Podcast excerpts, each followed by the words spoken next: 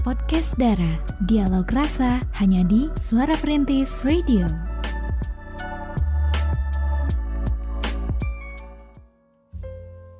Assalamualaikum warahmatullahi wabarakatuh Selamat malam pemerhati suara perintis Di mana pun Anda berada Masih dipancarluaskan dari Jalan R. Syamsuddin SH nomor 25 Komplek Balai Kota Sukabumi 93,1 suara perintis My City My Radio kembali hadir di malam hari ini dan seperti biasa pemerhati di malam Selasa atau Senin malam Nana hadir tidak sendirian karena di malam hari ini ada siapa aja nih yang sudah ada di studio?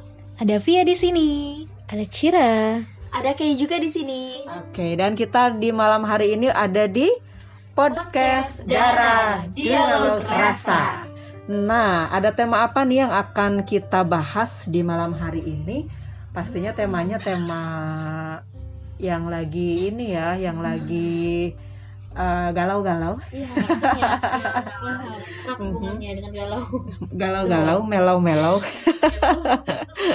Dan nanti kita akan uh, dengerin curhat ya dari seseorang yang sudah mengirimkan uh, curhatannya ke uh, line yang sudah kita siapkan dan tentu saja pemerhati Anda juga boleh ikut mengirimkan uh, curhatan Anda untuk nanti kita bacakan, kita bahas juga ya dan siapa tahu bisa kita kasih solusi juga ya.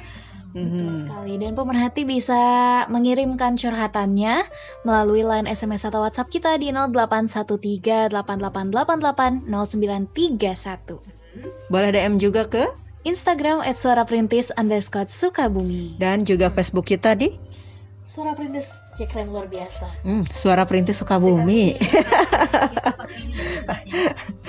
Oke, suara perintis Sukabumi Facebooknya ya boleh inbox kalau misalnya memang nggak mau dibaca sama banyak hmm. orang gitu ya. Tapi kalau misalnya uh, pun kita bacakan pastinya kita pakai nama samaran ya. nggak uh, uh, bakalan kita sebutin nama aslinya hmm. ya karena itu kan rahasia. Cuma yeah. yang curhat itu kan biasanya pengen mengungkapkan hal-hal uh, yang membuat dia galau, terus hmm. pengen merasa ada temen gitu ya, pengen ada solusi juga bagaimana nih menyelesaikan permasalahan yang lagi dihadapi. Jadi kalau buat pemerhati yang mau curhat boleh yuk kita tunggu curhatannya nanti kita akan bacakan curhatannya sesuai dengan tema yang akan dibahas. Nah, ngomong-ngomong tema nih malam hari ini ada tema apa nih yang akan kita bahas? Temanya? Temanya kayaknya agak berat gitu loh. Bukan berat lagi malah depannya ada overnya oh, gitu ya. kalau kalau yang over itu biasanya berlebihan kan? Iya betul. Dan pasti dan ini adalah satu tema yang menarik banget pemerhati ya. Karena ini adalah uh, satu tema yang relate banget sama banyak orang. Mungkin punya doi ya pemerhati yang punya doi tapi juga doinya ini secara gak langsung membatasi banyak sekali kegiatan hmm. pemerhati dan mungkin cenderung mengatur nah inilah yang dinamakan overprotective. Nah, jadi tema kita malam hari ini pemerhati adalah overprotective. Buat Anda yang mau curhat, ikutan curhat tentang uh, misalnya masalah hubungannya yang kok aku merasa dibatasi banget gitu ya, dikekang banget gitu atau misalnya kalau misalnya aku diginiin namanya overprotective bukan sih? Nah, boleh deh curhat yuk langsung uh, mau kirim pesan boleh di SMS, WhatsApp ataupun juga inbox di uh, Facebook, DM juga boleh. Nanti kita akan bacakan. Mudah-mudahan nanti solusinya pas banget gitu ya.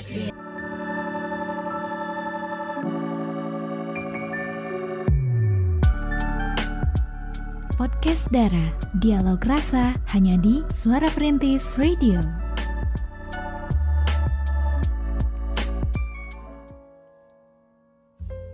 Overprotective itu seperti apa sih? Yang menurut Pia gimana nih?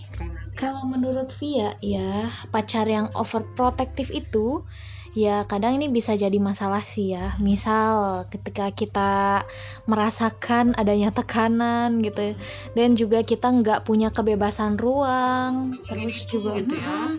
terus juga kayaknya nggak seimbang gitu apa-apa hidup kita diatur nah mungkin itu ya overprotective pokoknya hal-hal yang tidak membuat kita nyaman bersama si doi padahal itu mungkin bisa jadi bentuk kepedulian dia kadang-kadang kita mengartikannya uh, uh, apa bukan ke, bukan kepeduliannya tapi malah larangan-larangannya itu gitu ya.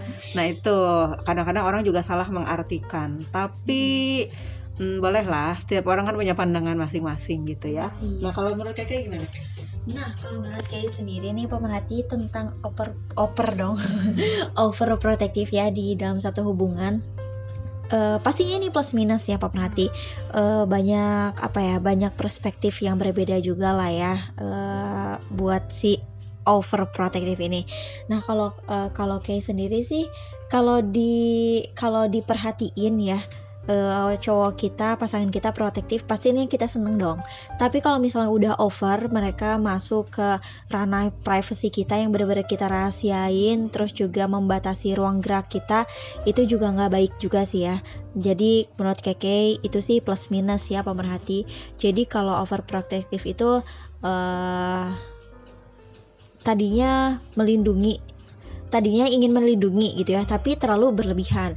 Yang tadinya eh, apa ya melarang demi kebaikan tapi berlebihan gitu. Terus juga yang tadinya percaya karena overprotective jadi jatuhnya jadi kayak nggak percaya. Jadi menurut Keke sih kalau overprotective ini plus minus juga sih gitu. Oke, jadi eh, yang namanya over itu pastinya nggak baik gitu ya. Apa ap- apa pun gitu, yang namanya over itu dari katanya aja udah ini nggak bagus banget gitu kan. Buat kita buat pasangan juga gitu ya. Apalagi kalau yang masih sebatas pacaran Hmm, apa-apa belum eh belum apa-apa udah dilarang. Ini itu nggak boleh, nggak boleh berteman sama si Anu gitu ya.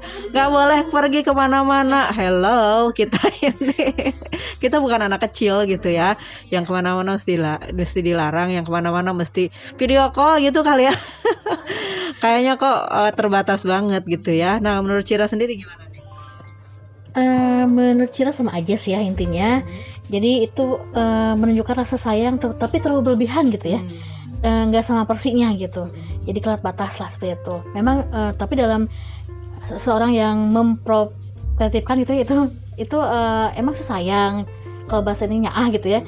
Tapi di balik itu semua mungkin suatu apa ya bisa dikatakan kelebihan yang gimana gitu ya kele- kele- kelebihan juga dan juga mungkin itu udah karakternya atau eh, bisa katakan apa ya bawaan dari lahir mungkin dari dari gitu ya karakter yang kuat gitu ya jadi susah gitu jadi intinya harus dirubah diri dari diri sendiri aja gitu Setuju banget, Cir. Kalau Nana sih eh, melihat orang yang overprotective itu memang kayaknya bawaan dari keluarga gitu. Bisa jadi dari bawaan keluarga gitu ya, karena memang orang tuanya waktu kecil memang overprotective. Misalnya anak bungsu, anak bungsu kan biasanya sama orang tuanya protektif banget gitu ya. Jadi ke mana-mana nggak boleh kotor, nggak boleh jauh-jauh, ke mana, hmm, ke mana-mana harus diantar gitu ya. Nah anak bungsu biasa seperti itu atau anak tunggal. Biasanya anak tunggal juga seperti itu. Dan bisa jadi cara pengasuhan seperti itu ya pengaruh juga ketika dia memperlakukan pasangan ya. Jadi yang harus eh, dilakukan pertama kali memang introspeksi dulu gitu ya kita seperti apa. Nah kalau misalnya sudah seperti itu tentu kita juga eh, nantilah cara-caranya kita akan bahas ya. Nah sementara kalau menurut Nana sih overprotective itu adalah sifat yang menunjukkan rasa khawatir, curiga, ya, kemudian cemas yang berlebihan sehingga jadi seseorang itu ingin selalu melindungi pasangannya gitu, ingin tahu ke mana pasangannya pergi. Nah, yang namanya overprotective ini sebetulnya sih nggak nggak nggak sampai eh, mengekang nggak boleh ke mana-mana di rumah. Nggak mungkin juga dong kan kita kerja gitu ya. Ada yang kuliah juga mungkin ya atau sekolah gitu ya. Jadi eh, yang namanya overprotective ini memberikan eh, apa kebebasan. Misalnya boleh sih bergaul tetapi misalnya jangan gaul sama orang-orang yang menurut dia eh, dalam tanda kutip negatif gitu ya. Terus nggak boleh kalau misalnya jalan-jalan nggak boleh pulangnya larut malam kemudian juga nggak boleh naik kendaraan umum misalnya kalau tak karena takut ada eh, orang-orang jahat atau gimana gitu ya. Atau misalnya kalau ke mana-mana mesti diantar gitu ya. Misalnya tempatnya jauh gitu ya harus diantar. Jadi memang overprotective ini awalnya sih mungkin niatnya ingin melindungi gitu ya. Niatnya ingin melindungi niatnya karena peduli tetapi karena berlebihan. Nah karena over itu tadi akhirnya malah kerasanya gitu ya sama kitanya nggak nyaman dan akhirnya malah jadi uh, terasa sangat mengekang gitu ya. Bener gitu banget. Nah pernah nggak sih uh, kalian merasakan overprotective dalam hubungan? Selama misalnya waktu SMP atau waktu SMA gitu ya atau waktu kuliah gitu ya punya pacar yang overprotective karena ciri-ciri kayaknya ada deh. Pasti sih ya ada ya karena eh, mungkin eh, gini biasanya yang di overprotectivein itu orang-orang yang famous gitu ya. Mungkin yang dia tuh ya banyak temennya gitu akhirnya si cowoknya ini kamu jangan temenan sama dia deh. Kamu jangan pergi sama dia deh. Iya gitu. Mungkin kalau via pribadi ya sering ada teman-teman via mungkin cerita gitu. Eh apaan sih ini pacar aku? Kayak gini gini gini ya dia emang jarang ada di rumah gitu kasarnya misalnya dia sering pergi hari ini sama siapa hari ini sama siapa akhirnya ya pacarnya jadi overprotective kayaknya mungkin ya Iya banyak kemungkinan ya Bu Penati semuanya eh, mengenai overprotective ini. Kalau menurut pengalaman Kay sendiri sih pernah mengalami dan cukup sering kayaknya ya. Kayaknya cukup sering ya mengalami. Tapi di sisi lain senang, di sisi lain juga kita kan gak nyaman juga ya pemerhati. Kok eh, ruang gerak kita jadi terbatas kayak gitu kan ke mana-mana harus diantar, harus dijemput, harus tahu pergi sama siapa kayak gitu kan. Padahal kalau dalam satu hubungan ya tinggal apa ya menjalani komitmen yang sudah dibangun dari awal saling percaya ya udah gitu kan padahal kan simpel banget ya kalau Cira gimana Sama aja ya. Cuman kan dari apa namanya nggak semuanya eh, setiap pasangan tuh ada yang mengalah gitu ya. Ini kayak udah yang sama aja gitu. Yang satu overprotective yang satu eh, saking seringnya gitu. Jadi ah istilahnya kan jadi durdel gitu ya kalau bahasanya Sundanya. Ya jadi eh, mengakibatkan gitu ya. Yang satu ngelayan gitu. Mungkin saking ini ya seringnya gitu. Jadi istilahnya bosan lah ya dia atur-atur terus atau gimana gitu ya. Jadi intinya pasti bakal berantem gitu. Betul. Nah intinya harus ada saling pengertian lah ya sebetulnya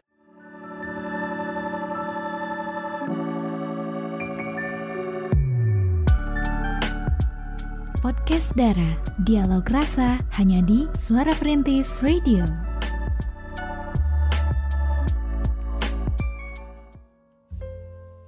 sembilan suara perintis My City, My Radio, Jekrem luar biasa.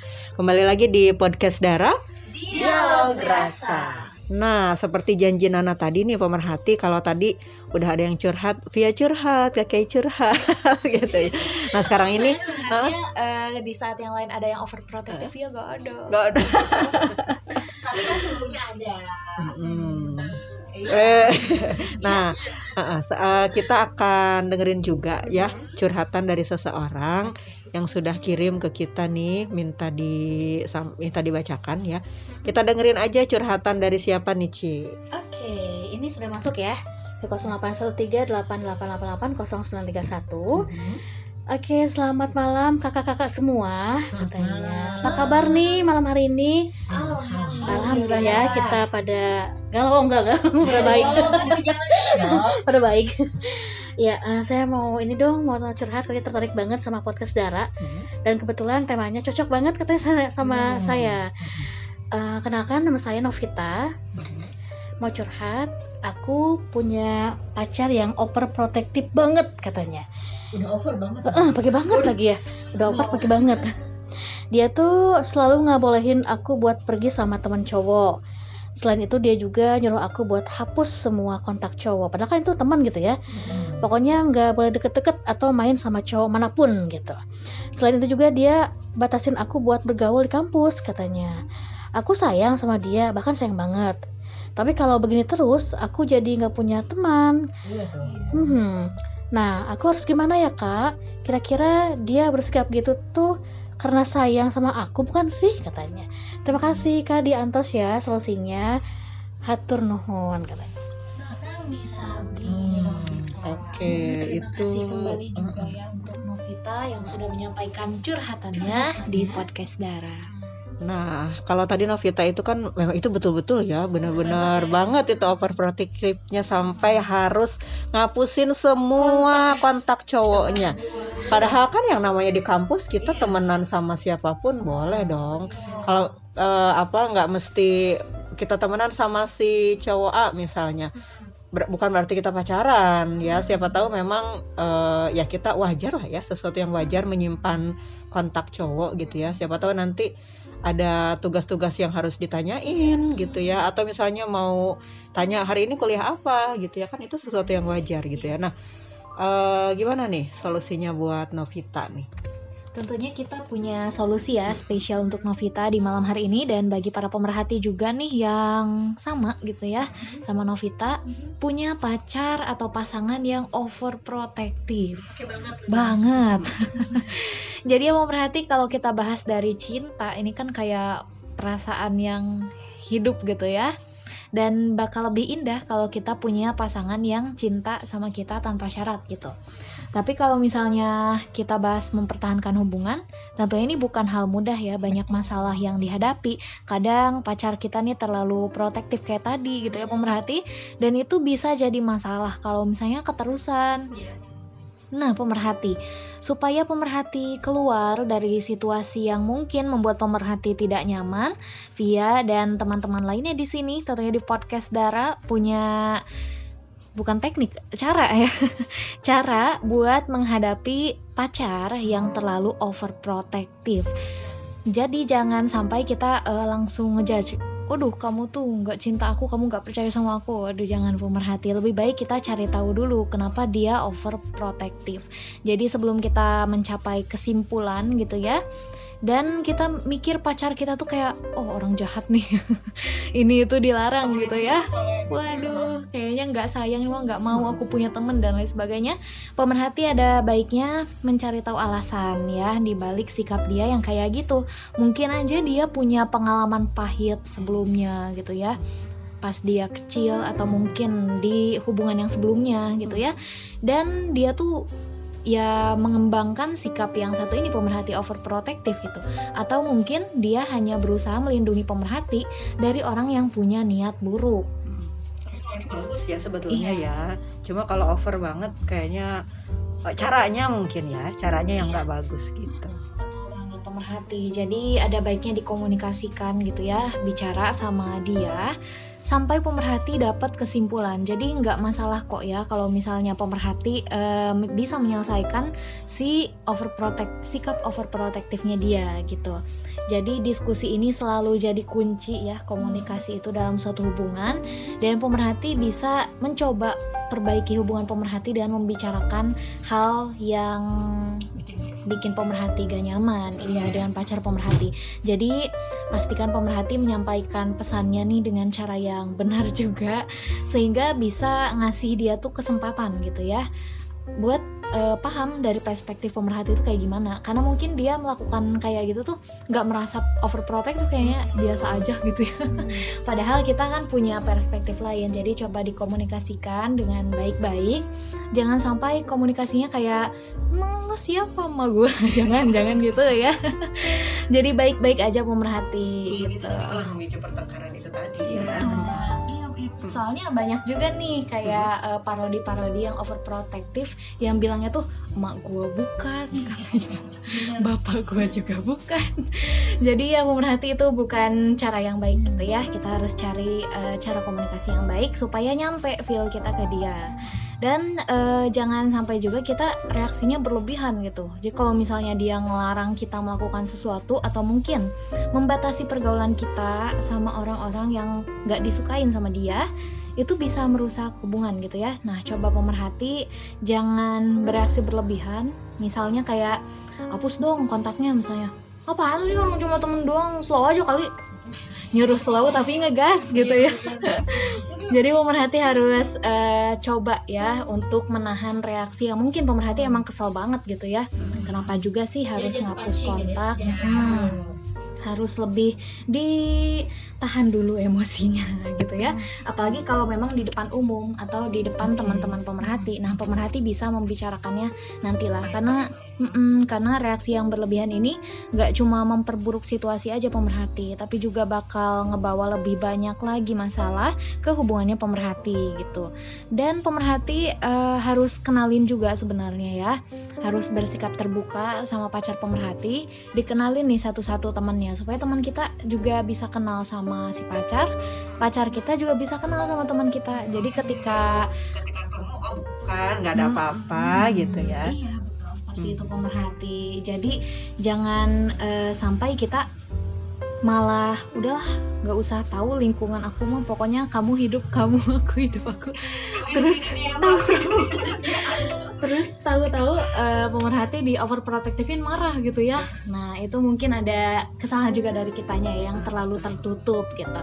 Dan pemerhati jangan lupa juga kita harus mandiri ya. Jangan sampai terlalu mandiri mandi sendiri jangan terlalu bergantung gitu sama si doi. Walaupun kita perempuan misalnya ya kita eh, kayak aku pengen disayang pengen manja-manja misalnya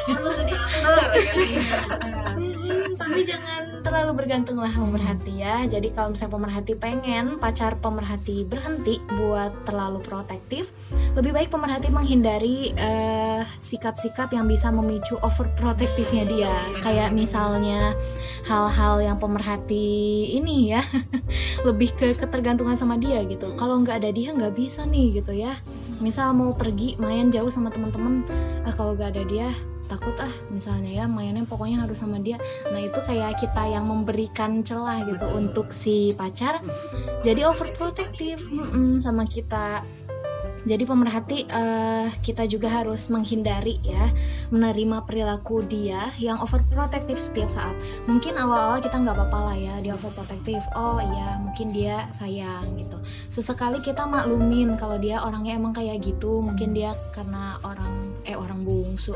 Anak bungsu anak bungsu atau mungkin anak tunggal gitu ya kita bolehlah eh, toleransi tapi kita juga punya batasan tersendiri gitu. Sejauh mana dia boleh protektif. Jangan sampai kita terima terus perilaku overprotektifnya dia. Nanti kita yang tertekan pemerhati. Jadi eh, kalau misalnya pemerhati ada dalam hubungan yang overprotective kepercayaan ini kan dasar juga ya dari suatu hubungan. Jadi pacar pemerhati maupun pemerhati ini harus membangun kepercayaan satu sama lain dan tentunya melalui eh, komunikasi yang baik juga gitu ya. Kalau saya pemerhati ingin bahagia tentunya dalam hubungan pemerhati.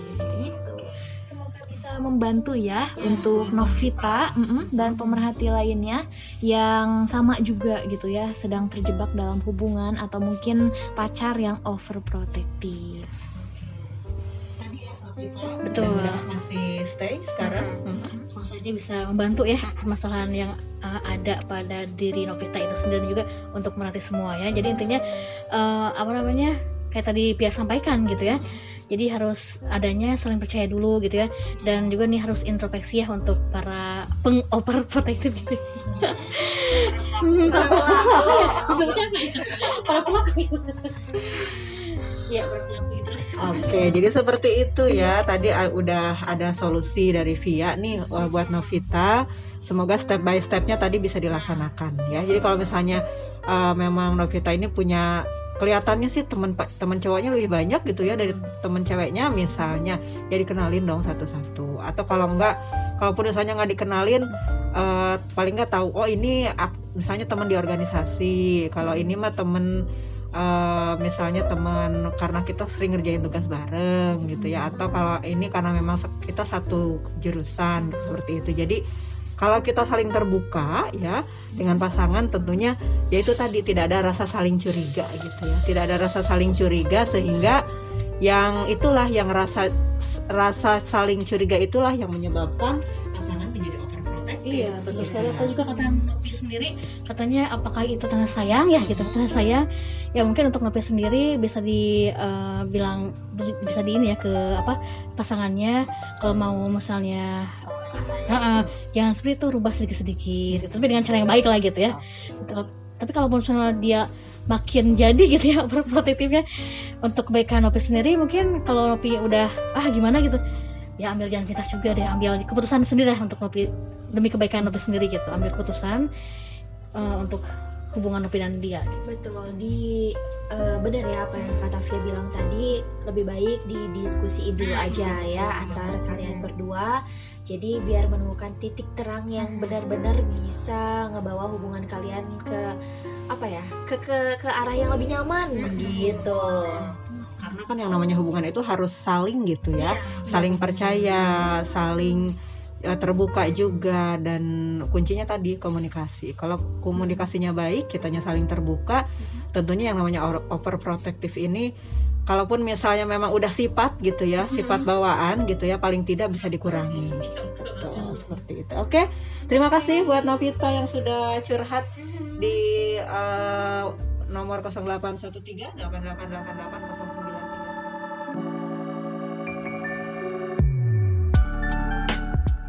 Podcast Dara, dialog rasa hanya di Suara Perintis Radio.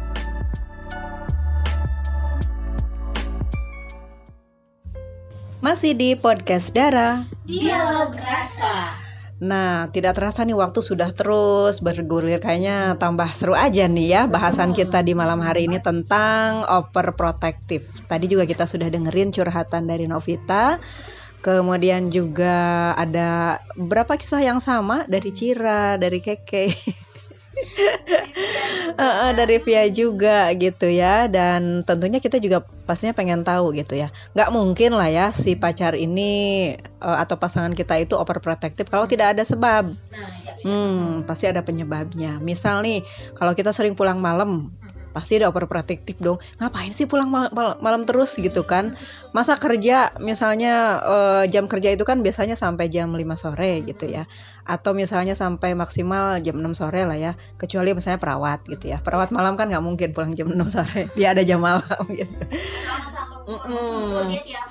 Nah, gitu. Seperti itu. Pastinya ada ada curiga juga. Dan kecurigaan ini bisa jadi adalah salah satu penyebab seseorang menjadi overprotective ya. Tetapi bukan cuma itu aja ya. Em, kalau apa namanya kalau kita di di overprotectivein menjadi Jadi, korban menjadi korban overprotective seperti itu tentu ada alasan juga dong Hmm. pasangan kita melakukan itu gitu ya. Eh, banyak orang yang menduga kalau pasangan yang protektif itu muncul begitu saja gitu ya dan merasa kalau dirinya itu tidak melakukan apa-apa gitu ya. Kalau dia itu ah biasa aja aku mah nggak overprotective gitu ya.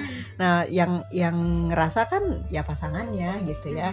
Eh, bagaimanapun juga perilaku pasangan yang overprotective ini bisa muncul akibat dari kekasihnya yang sering bikin khawatir ya sering bikin khawatir khawatir kehilangan atau misalnya karena kitanya juga misalnya pernah berbuat sesuatu yang bikin pasangan kita menjadi khawatir takut kehilangan gitu ya.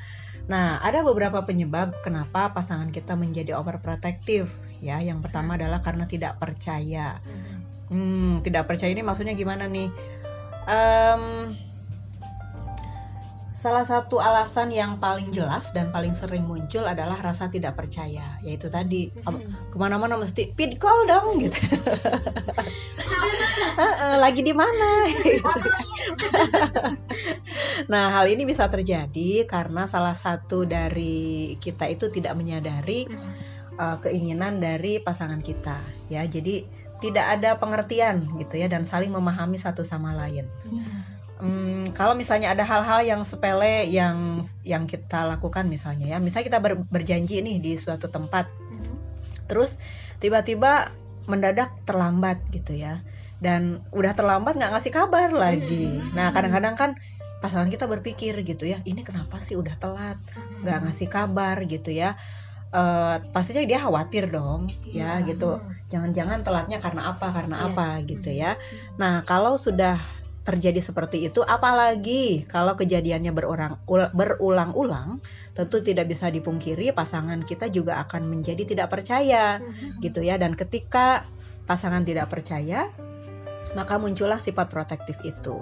Ya, jadi ini muncul karena uh, pasangan kita tidak ingin kehilangan dan tidak ingin kita menjadi uh, apa ya? Tidak tidak ingin sesuatu terjadi yang buruk terjadi sama kita gitu ya. Jadi overprotective-nya karena itu ya. Kemudian bisa juga karena pernah dihianati. Nah, kalau yang ini mah pasti gitu ya. Karena kepercayaan itu kan dasar dari sebuah hubungan yang baik ya. Selain rasa percaya, um, tentu yang namanya perasaan ya pernah dihianati atau misalnya pasangan kita sebelumnya pernah memunculkan uh, perilaku yang tidak bisa dipercaya ya seperti itu tentu akan sulit menumbuhkan kembali perasaan ketika sudah dihianati. Ya kalau misalnya sekali dihianati, terus besoknya lagi ke mana lagi nih orang kok hmm, lama nggak muncul gitu ya? Atau misalnya ketika dihubungi susah gitu ya. Nah makanya dengan muncul perasaan seperti itu, uh, tentu akan akan per, ada timbul perasaan takut untuk dihianati lagi. Hmm, nah iya, makanya overprotective. Kamu kalau pergi sama si Anu jangan lama-lama dong gitu kan. Hmm. uh, kamu kalau lagi pergi ke mana gitu fotoin dong. Akhirnya muncul seperti itu. Benar aktifkan GPS gitu itu kan karena pernah dihianati dan iya. akhirnya ya betul ya. seperti itu nah kemudian juga penyebab lainnya adalah karena takut kehilangan ya salah satu alasan yang paling sering muncul dan menjadi penyebab utama perilaku overprotective adalah takut kehilangan. Biasanya hal ini terjadi karena pasangan atau bahkan mungkin kita sendiri gitu ya, hmm. yang selalu serius menjalani hubungan, tapi um, misalnya sering kandas di tengah jalan, gitu ya. Jadi pelajaran itu kemudian membuat kita menjadi takut kehilangan. Jadi rasa sayangnya itu uh, berlebihan hmm. gitu sama hmm. pasangan ya karena takut kehilangan lagi, takut kandas lagi dan kalau sudah seperti itu ya kitanya juga pastinya serius dong. Iya. Serius melindungi pasangan kita atau pasangan kita juga serius hmm. melindungi karena takut kandas lagi, takut kehilangan lagi. Tetapi rasa takut kehilangan yang berlebihan inilah yang kemudian menyebabkan perilaku overprotective hmm. itu. Nah, kemudian pemerhati sebab lainnya adalah karena pasangan menganggap uh, kita sebagai teman satu-satunya. Uh, teman teman apa teman? Teman perjalanan.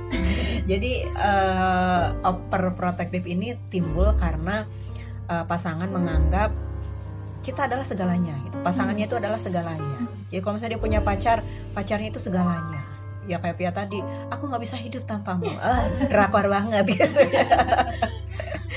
nah karena dia memperlakukan pasangannya segalanya makanya dia juga menuntut. Kamu juga harus seperti itu gitu ya. Hmm. jangan ngobrol sama cowok jangan pergi-pergi sama cowok gitu ya. Mm, hapusan kontaknya aja semua gitu ya.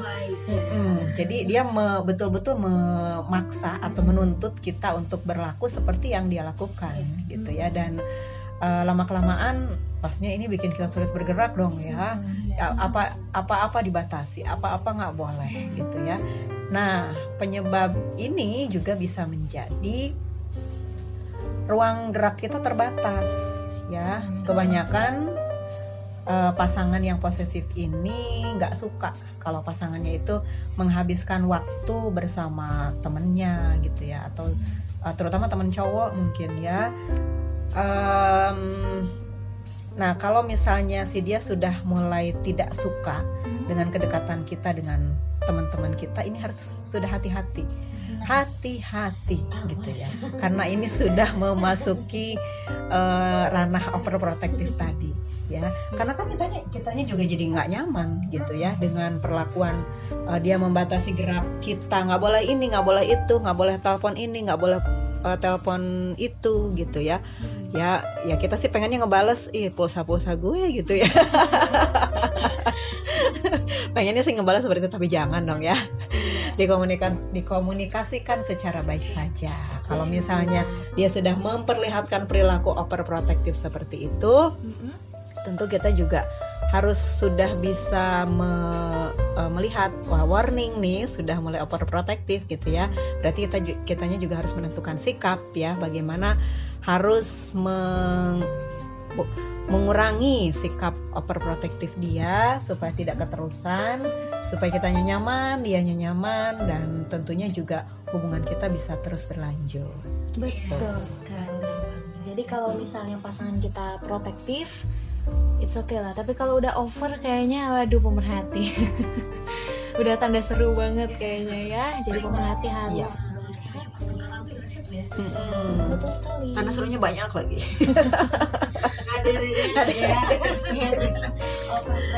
banget. Nah, jadi itu pemerhati beberapa penyebab seseorang menjadi overprotective ya. Kalaupun mungkin awalnya niatnya uh, bagus ya karena sayang sama pasangan, tetapi kalau misalnya terlalu over ya kerasanya malah jadi beda gitu ya, bukan lagi bukan lagi rasa sayang, bukan lagi rasa peduli, tetapi yang ada malah kita merasa terkekang seperti itu ya. Nah, mm, tapi pastinya juga ada orang yang merasa, ya aku nyaman-nyaman aja dah digituin gitu ya, merasa diuntungkan gitu ya dengan perilaku overprotective seperti itu. Nah, nanti kita akan bahas lagi nih pemerhati apa sih kerugian dan keuntungan sikap overprotective ini.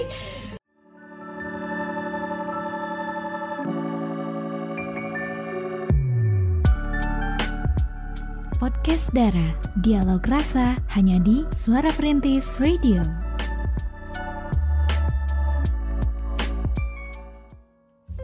Oke, kembali lagi nih sama kita di Podcast Dara, dialog rasa.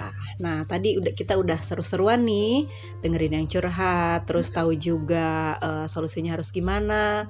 Dan kalau kita merasa seseorang itu overprotective, udah tahu juga gitu ya penyebabnya kenapa. Jadi kalau sudah tahu penyebabnya, tentunya kita sudah bisa mengantisipasi dong kalau misalnya pasangan kita overprotective ya. Nah, tapi masalahnya ada orang-orang uh, terutama ciwi-ciwi gitu ya yang merasa kok malah aku malah seneng gitu loh diperlakukan overprotective ya. Jadi ke mana-mana ditanyain ih kok berasa diperhatiin? gitu ya. Ada aja sih uh -uh. Uh, atau misalnya ke mana-mana uh, diantar gitu ya. Ya dinikmati aja gitu ya seperti itu. Nah artinya ada orang yang merasa diuntungkan dengan sikap overprotective ini yeah. gitu ya. Nggak semua orang merasa dirugikan yeah. dengan perlakuan overprotective ini. Nah pastinya juga ada kelebihan kekurangannya ya. Mm-hmm. perilaku overprotective ini ada kurangnya ada lebihnya juga gitu ya. Artinya ada kelemahannya ada keuntungannya juga. Nah, seperti apa nih Kay? Nah, betul banget nih. Seperti yang pas di awal Kay bilang, hmm. sebenarnya overprotective ini plus minus ya pemerhati.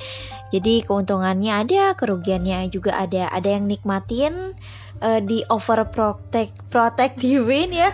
Ada juga yang merasa risih kayak gitulah ya pemerhati. Dan buat pemerhati semuanya emang ya pacar yang overprotective itu bikin kita sebel sih setengah metong ya. Tapi uh, kalau dalam beberapa kasus ya punya pacar, punya pasangan gitu yang overprotective juga bisa ngasih keuntungan sih bagi kita gitu ya. Nah, pertanyaannya kira-kira apa keuntungan punya pacar yang protektif?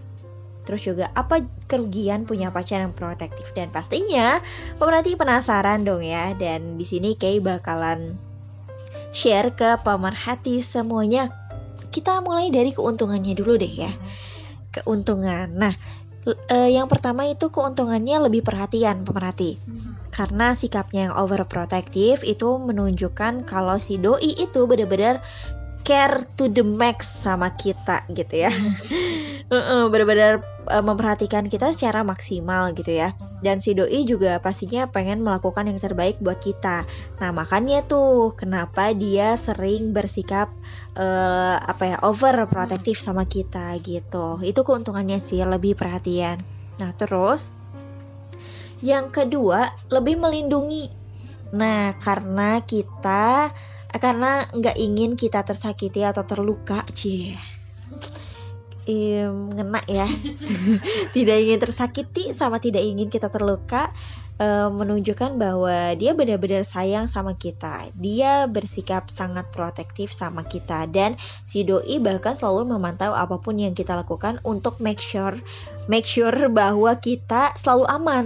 Nah itulah keuntungannya ya dia lebih melindungi.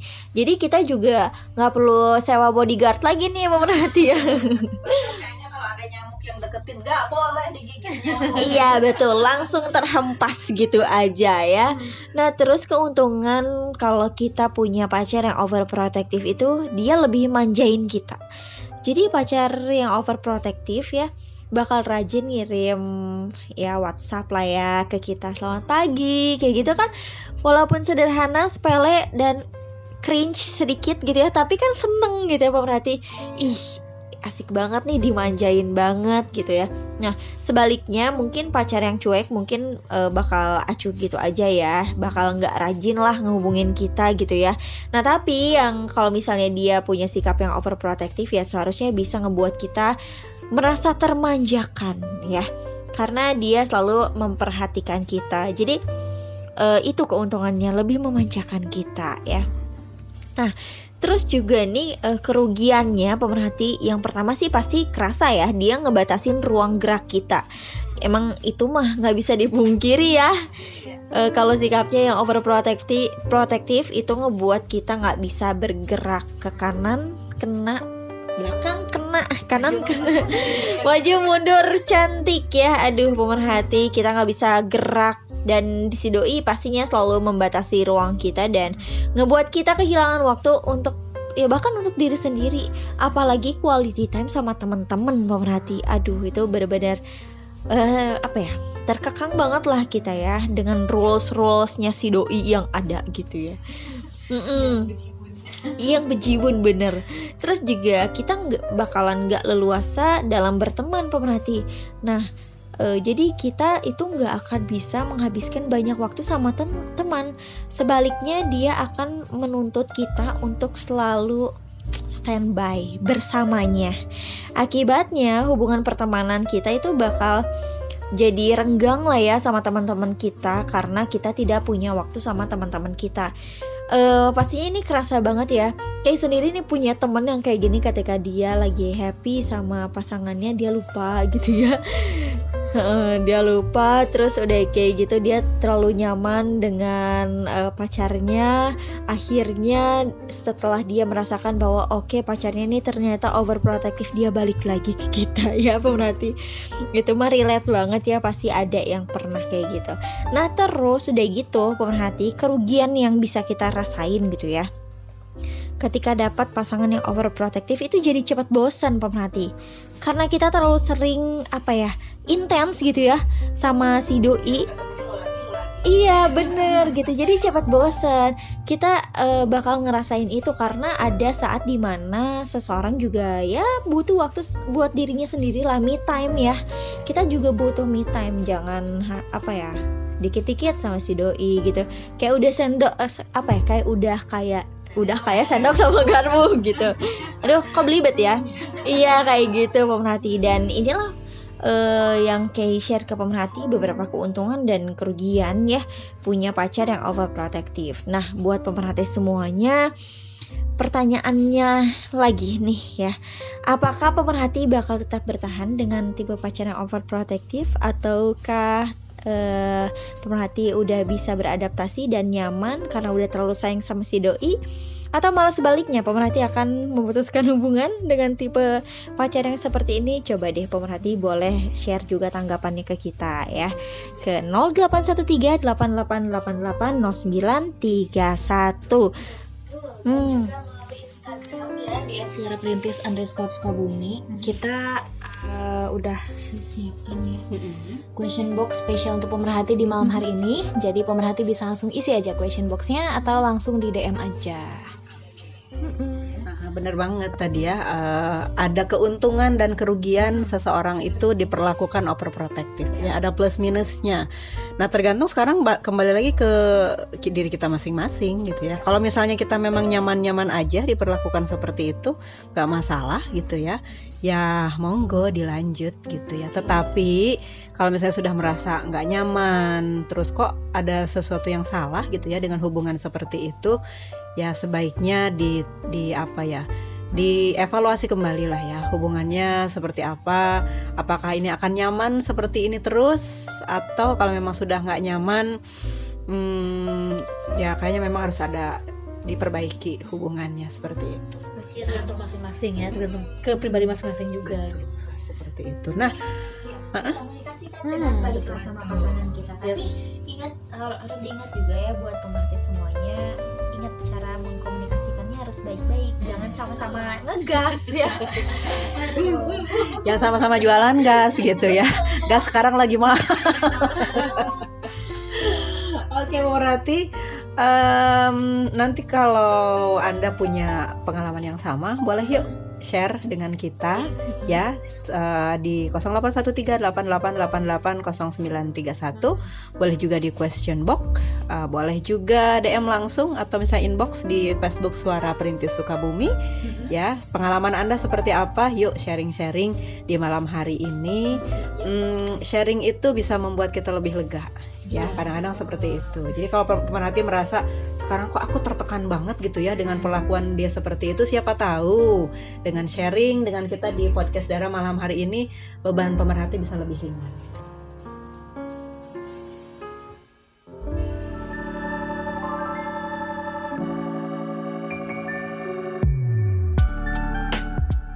Podcast Dara, Dialog Rasa hanya di Suara Perintis Radio.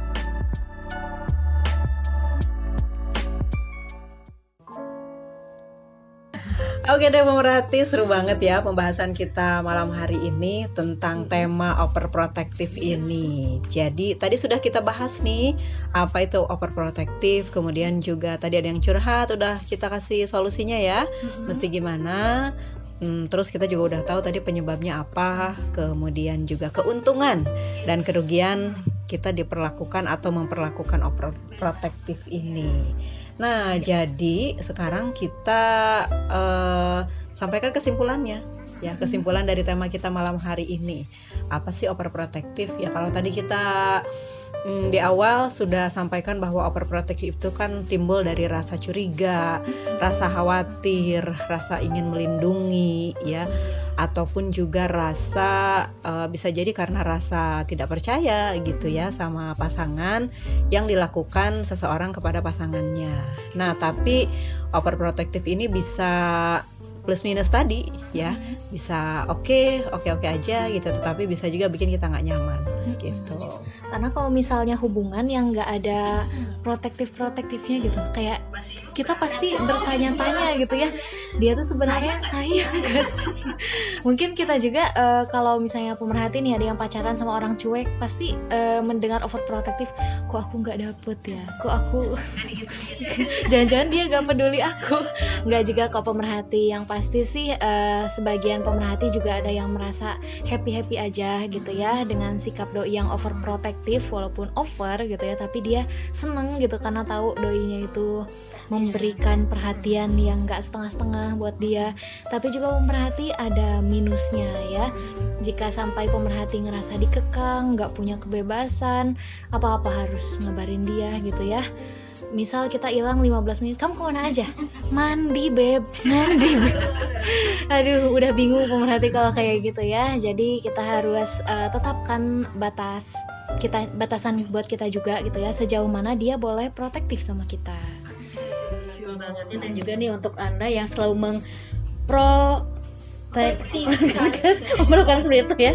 Intinya anda semua kan jadi curiga gitu ya. Terus juga uh, ada rasa curiga ada rasa was-was yang berlebihan gitu ya. Coba deh untuk selalu berpikiran positif. Karena dengan ah. itu dia karena uh, segala macam pikiran itu ada di kita kan ya. Jadi kita ke kalau misalnya pikiran kita positif insya Allah semua rasa curiga marah ataupun apa gitu ya, was-was yang berlebihan ya selalu nggak ada gitu. Nah betul banget ya. Setuju banget sama Kira. Berarti kita tuh harus belajar nge-mindset ya, nge-mindset uh, pikiran positif kita. Pokoknya uh, jangan sampai uh, pasangan kita yang overprotective ini memicu benar-benar memicu kekesalan sampai akhirnya kita mengakhiri hubungan kita tanpa didiskusikan terlebih dahulu kayak eh hubungan kita hubungan pemerhati gitu ya tanpa didiskusikan terlebih dahulu ya jangan sampai kayak gitu. Pokoknya buat pemerhati semuanya ini se sebenarnya jawabannya mutlak sih ya. Ini balik lagi ke personal kita masing-masing. Gimana cara kita kita nge-manage uh, hati dan pikiran kita kali ya. Uh, untuk menghadapi pasangan kita yang overprotective ini. Jadi intinya sih lebih ke dibawa enjoy aja ya pemerhati dan kalau misalnya masih bisa didiskusikan dengan baik sama pasangan kita, it's okay gitu. Berarti hubungan kamu aman gitu. Semoga eh, yang selama ini sudah sadar gitu ya. Kok aku overprotective ya sama pasangan gitu. Mulai bisa mengurangi sikap overprotectivenya kemudian juga mulai bisa memanage ya. Mana yang boleh dilakukan dan mana yang tidak boleh dilakukan. Jangan sampai hubungan kita malah kandas karena sikap overprotective itu ya. Oke, okay, pemerhati, kayaknya sampai di sini dulu deh kebersamaan kita. Mm-mm, karena sudah hampir jam 9 malam, kita harus pamit dulu dari podcast Dara malam hari ini. Tentunya terima kasih untuk Anda yang sudah menyimak dari awal hingga akhir. Terima kasih juga buat Novita, ya. Novita. Ya. tadi yang sudah uh, curhat ke kita dan tentunya juga kita berharap uh, podcast Dara malam hari ini bisa menjadi solusi gitu ya hmm. untuk Anda semua yang punya pengalaman yang relate dengan tema kita malam hari ini. Betul hmm.